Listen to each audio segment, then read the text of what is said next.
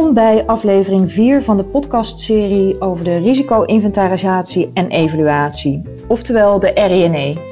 In deze vierde aflevering gaan we in op een specifiek onderwerp in de RINE, beeldschermwerk.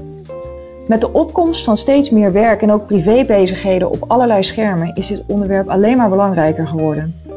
Nu we steeds meer thuiswerken, komt daar ook nog de uitdaging bij voor een goed ingerichte thuiswerkplek. Mijn naam is Eveline Jansen en ik ga hierover in gesprek met Helene de Kraker. Zij is Research Scientist bij TNO en expert op het gebied van beeldschermwerk.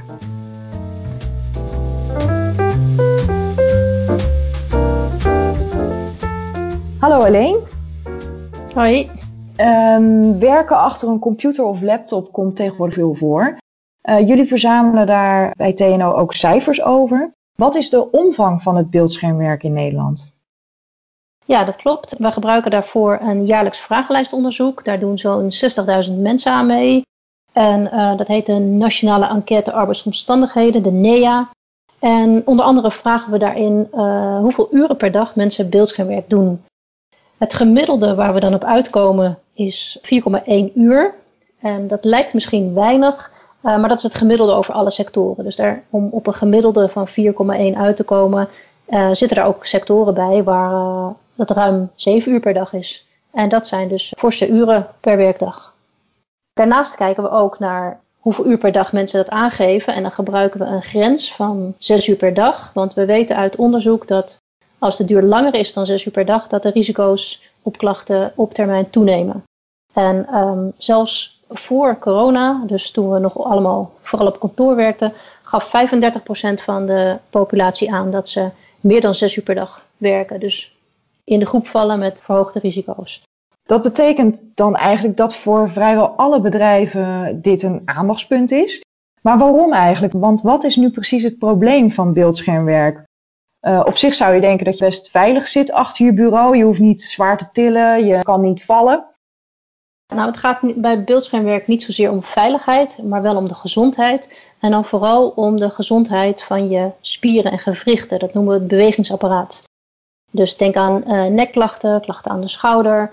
Uh, dat zijn het soort klachten wat kan voortkomen uit veel of langdurig beeldschermwerk. En die willen we vooral voorkomen. Nou, om dat goed te kunnen voorkomen, moet je eerst weten wat de belangrijkste risico's daarvan zijn. Eigenlijk logisch, maar of een beetje een open deur, maar dat is de duur van beeldschermwerk. Dat is een factor die je meetelt.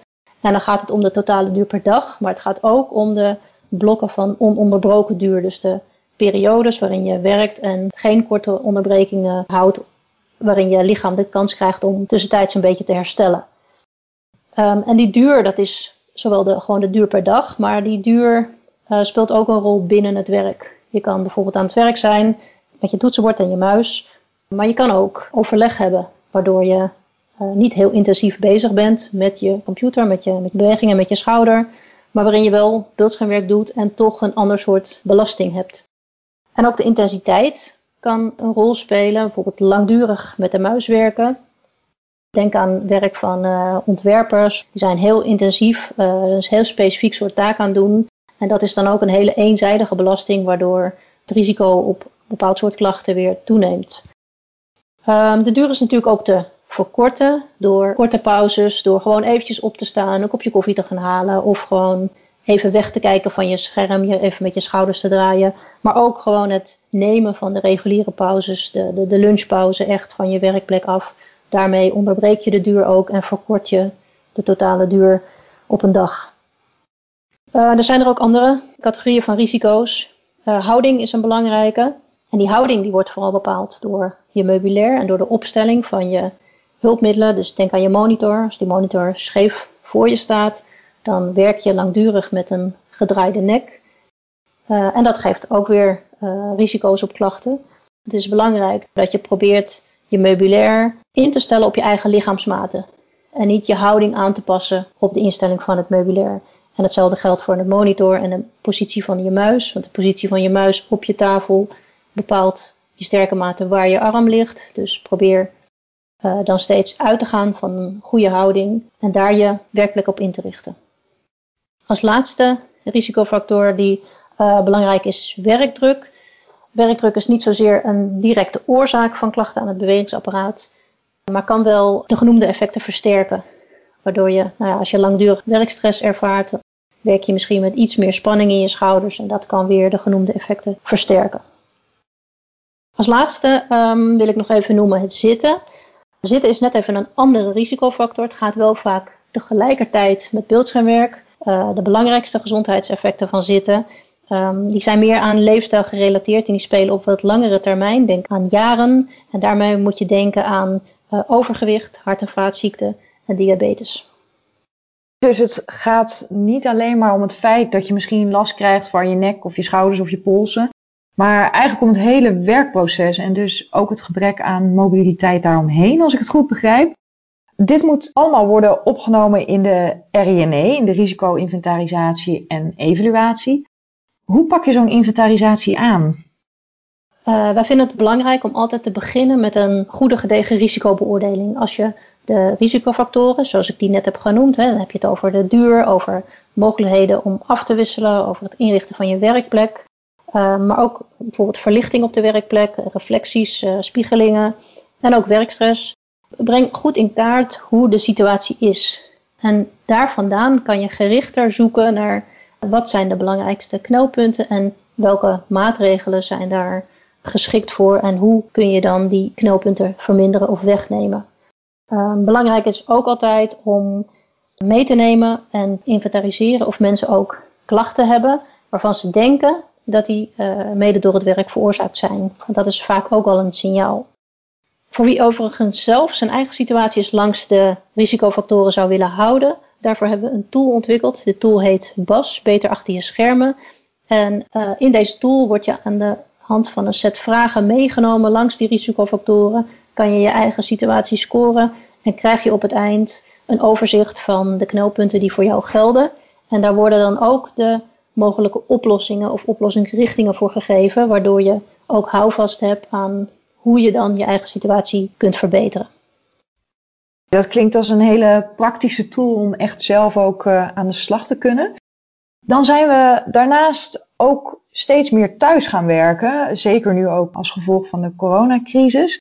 En dat is natuurlijk ook veel werk achter de computer, achter een beeldscherm. Wat zijn daarbij de belangrijkste punten om op te letten? Um, nou, eigenlijk geldt voor thuiswerken min of meer hetzelfde als op kantoor. Op kantoor moet er een RINE worden afgenomen en dat geldt dus eigenlijk ook voor de thuiswerksituatie. Natuurlijk is de situatie anders, want de werkgever kan niet thuis komen kijken hoe het met jouw werkplek gesteld is, maar blijft wel verantwoordelijk voor een gezonde en veilige werkplek. Het gaat dus een beetje anders, maar de werkgever moet vooral informeren, zeggen wat er belangrijk is, wat er op orde moet zijn en helpen meedenken over hoe jouw werkplek op orde gemaakt kan worden bij jou thuis. En als je alle aandachtspunten en risico's op een rijtje hebt, dan moet je natuurlijk daarna ook wat daaraan gaan doen en die maatregelen opnemen in het plan van aanpak.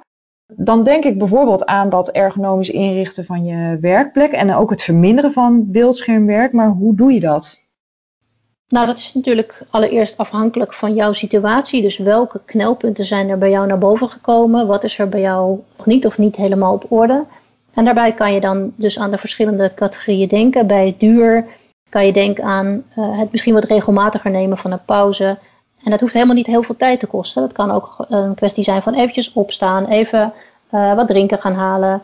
Even, nou ja, hè, als je toch thuis werkt, misschien even naar de supermarkt lopen. Waardoor je toch binnen je dag wat meer afwisseling hebt. En ook wat betreft productiviteit hoeft dat niet eens heel nadelig te zijn. Want als je eventjes weg bent geweest en even je hoofd heel ergens anders hebt gehad, kan je vaak daarna toch, ja, toch een stukje gefocuster en productiever weer aan de slag.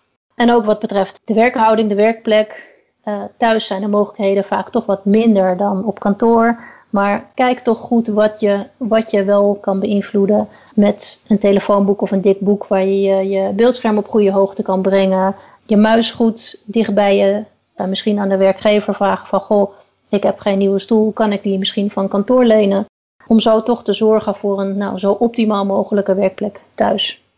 En natuurlijk ook gewoon uh, je bewustzijn van de risico's die er spelen. Of als je een werkgever bent, goed overbrengen en werknemers instrueren dat het belangrijk is dat er risico's zijn en dat mensen nou ja, goed voor zichzelf moeten zorgen, pauzes moeten nemen, even weg, oefeningen tussendoor, je schouders even losgooien. Um, je kan best heel veel zelf doen. En nog even terug ook weer naar die thuiswerkplek. Je ging daar net al eventjes wat op in, maar er is toch wel heel vaak uh, zijn er veel vragen over wie er nou verantwoordelijk is als jij thuis gewoon een standaard bureau hebt of aan de eettafel zitten werken. Kan je dan als werknemer van je baas verwachten dat hij met een uh, in hoogte verstelbaar bureau komt, bijvoorbeeld? Ja, dat is, een, dat is een lastige vraag. Die verantwoordelijkheid ligt zeker ook bij de werkgever, maar ook bij de werknemer. Daar moet je gewoon goed het gesprek over aangaan. Uh, natuurlijk kan niet iedereen zomaar een in hoogte verstelbaar bureau thuis krijgen. Dat willen uh, een heleboel mensen misschien ook niet, omdat ze daar gewoon de ruimte niet voor hebben en zo'n ding niet in de woonkamer willen hebben staan. Nou ja, creëer een goede situatie in overleg waarbij de werknemer een rol heeft en de werkgever een rol heeft. Zoals je aan het begin aangaf, zit het verminderen van die duur ook wel in de privé-tijd. Uh, maar het lijkt me dat je mensen niet kan verbieden om in hun vrije tijd te gaan appen of tv te kijken of met iemand te facetimen. Hoe ga je daarmee om? Ja, dat is, dat is ook best wel een lastige. Um, maar hier is het vooral ook weer belangrijk dat mensen goed voorgelicht zijn. Dat ze weten wat de risico's zijn. Dat ze zich bewust zijn dat nou ja, hoe meer schermtijd op een dag, dat het vaak niet uitmaakt waarvoor je dat doet. Of je dat voor werk doet of voor privé-tijd. Dat dat toch allemaal gewoon dezelfde uren op dezelfde dag zijn. En dus kan bijdragen aan de risico's. Dus wat dat betreft ja, komt het toch weer terug op goed en actief informeren. Zodat ze weten van nou ja, het is ook belangrijk om van het scherm weg te gaan. En wat kun je als werknemer zelf nou verder nog doen? Uh, nou, zoals ik net al noemde, uh, Bas, de Beter Achter Je Schermen tool eens invullen om te zien hoe het met je eigen situatie gesteld is, welke verbeterpunten je zelf misschien hebt, maar ook als je zelf of ontevreden bent over bepaalde aspecten binnen je werk, over je, je stoel, je muis, je scherm, je werktijden, nou ja, noem het maar op. Um, maak het bespreekbaar. Het is niet zo dat klachten door je werk dat die er maar bij horen. Nee, die, je zou gewoon moeten kunnen werken en aan het eind van de dag gewoon gezond moeten zijn en uh, klachtenvrij. Dus als er iets is, als je klachten hebt, als je ergens mee zet, maak het bespreekbaar. Ga in gesprek over uh, de best haalbare oplossing. En een ander punt sluit weer een beetje aan op het risico zitten, maar bouw ook zoveel mogelijk uh, beweegmomentjes in. Dus ga tijdens de lunch bijvoorbeeld eventjes wandelen. Doe wat simpele oefeningetjes tussendoor. Loop een extra trap. Of misschien is het ook wel mogelijk om al wandelend een telefonisch overleg in te plannen een keer. Oké, hartelijk dank Helene voor je uitleg over beeldschermwerk en ook zitten dus in de RNE. Op de website van TNO Fysieke Belasting vind je de gratis checklist Beter achter je schermen terug, waar Helene het over had. Ga daarvoor naar www.fysiekebelasting.tno.nl. Meer informatie over de RINE vind je op www.rie.nl. Hartelijk dank voor het luisteren en graag tot een volgende podcast.